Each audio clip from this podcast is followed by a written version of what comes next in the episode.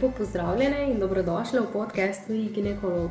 Moje ime je Monika in sem soustanoviteljica tehnološke platforme, preko katere lahko ženske dostopajo do vrhunskih slovenskih strokovnjakov na področju zdravja v trenutku, ko to potrebujete, brez čakalnih vrst. V rubriki Vprašanje odgovor naši strokovnjaki odgovarjajo na 3 do 5 vprašanj, ki ste nam jih zastavili preko spletne ali Facebook strani. Ukolikor imate tudi same vprašanje, ga postavite na naši spletni strani iginekolog.si. Ta teden bomo odgovarjali na temo o spolni medicini. Spolna medicina je mlada veja medicine, ki se v Evropi že uveljavila, v Sloveniji pa še začenjamo prve korake razvoja. Velika večina nas ob tem imenu takoj pomisli na težave v posteli, a resnica je precej drugačna in zapletena. Spolna medicina je namreč veda, ki se po definiciji ukvarja z vplivom psihofiziologije, intimnih odnosov, družbenih in kulturoloških dejavnikov, razvojnih učinkov, spolne usmerjenosti in raznolikosti, spolne identitete ter medspolnih razlik na spolno funkcijo. Dr. Gabriela Simetinger v članku Spolne motnje in jih obravnava po načelu spolne medicine. Pravi, da je njen cilj ponovna vzpostavitev in izboljšanje spolne funkcije, optimizacija spolne izkušnje in dobrega počutja, ter osebnega, kakor tudi medsebojnega zadovoljstva v spolnosti. Spolna medicina spolne probleme ne obravnava in deli na normalne in patološke, kot je to običaj pri medicini, temveč jih deli na skrbi, to so napačna stališča in prepričanja, težave, to so občasni problemi v spolnosti, motnje oziroma disfunkcije in okvare in bolezni.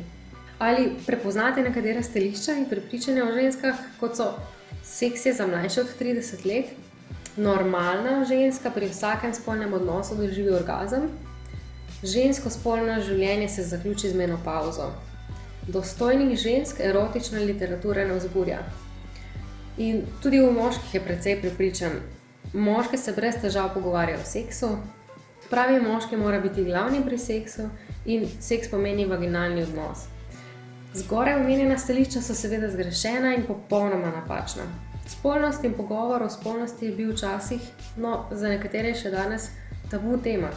Ravno zaradi tega smo se odločili, da bomo tej tematiki namenili veliko pozornosti. In to je prvi izmed podcastov na to temo.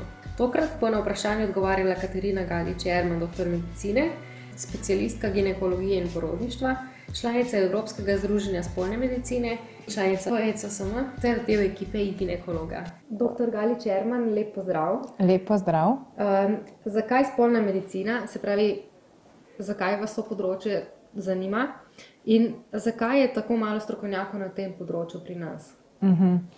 Um, zakaj me zanima spolna medicina? Mogoče zato, ker sem šla iz kliničnega dela na, v bolnišnici v ambulantno delo in ker je tukaj dosti rutinsko, sem si želela razširiti spektr dela. In v bistvu tekom dela v ambulanti sem videla, da znanja v težavah s spolnostjo nimamo. In sem ugotovila, da v Evropi je to zelo že razvita veja, oziroma veja v razvoju, zato sem se tudi usmerila v to področje.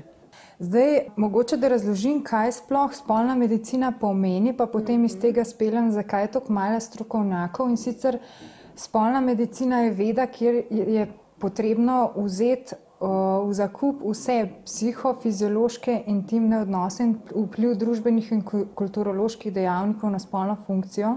In uh, cilj spolne medicine je vzpostavitev izboljšanja spolne funkcije oziroma izboljšati dobro počutje v spolnosti obeh partnerjev. Ne?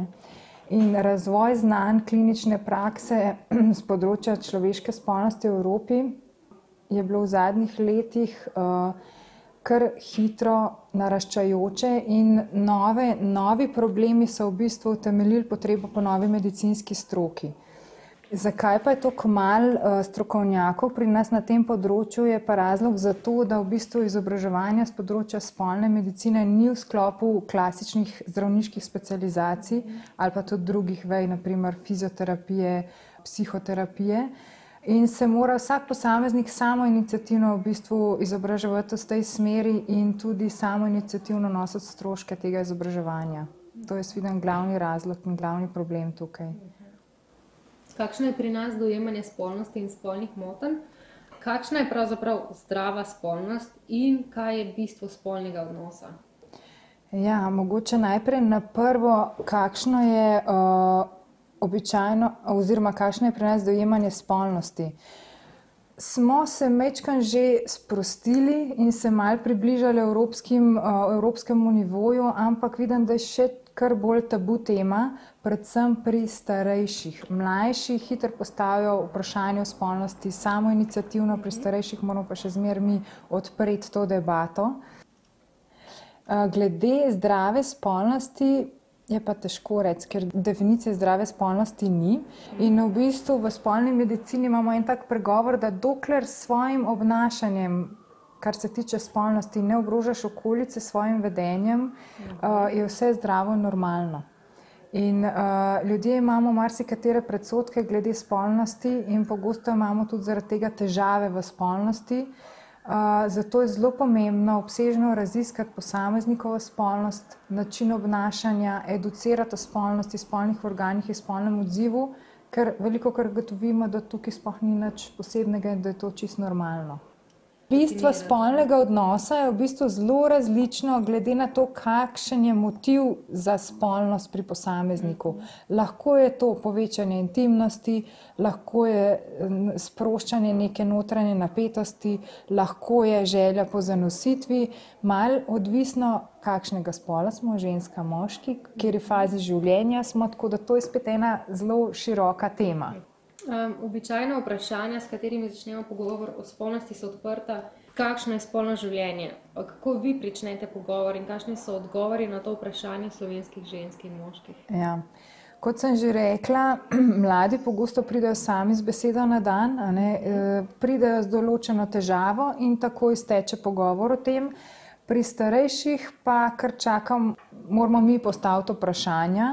V obravnavi spolnih motenj imamo vprašanja usmerjena, ker moramo spoznati cel sociobiopsihofizični profil posameznika in v bistvu samo je manje namneze v tej smeri lahko traja včasih tudi več kot eno uro.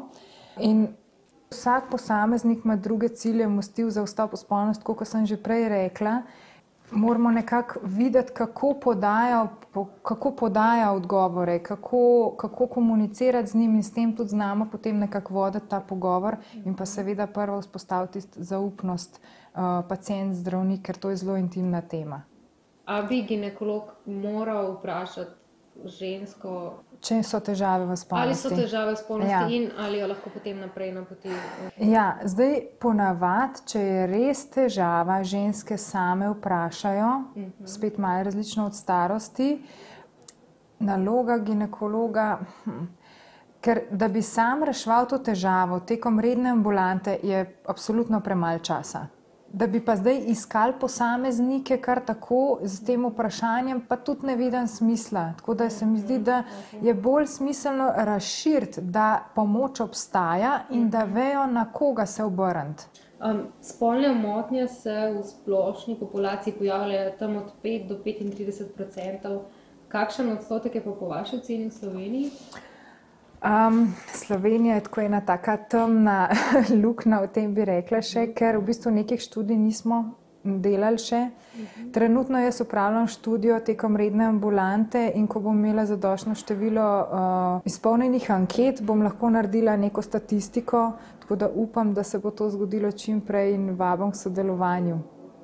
Je pa na, na, v bistvu tako po občutku, bi rekla, da smo kar tam na evropskem nivoju, približno. No. Najlepša hvala za vaš odgovor in za vaš čas. Prosim. Vam, dragim poslušalkam, pa hvala za vašo pozornost. Ne pozabite obiskati naše spletne strani igine.si, kjer lahko brezplačno vprašanje postavite tudi same ali pa se naročite na posvet.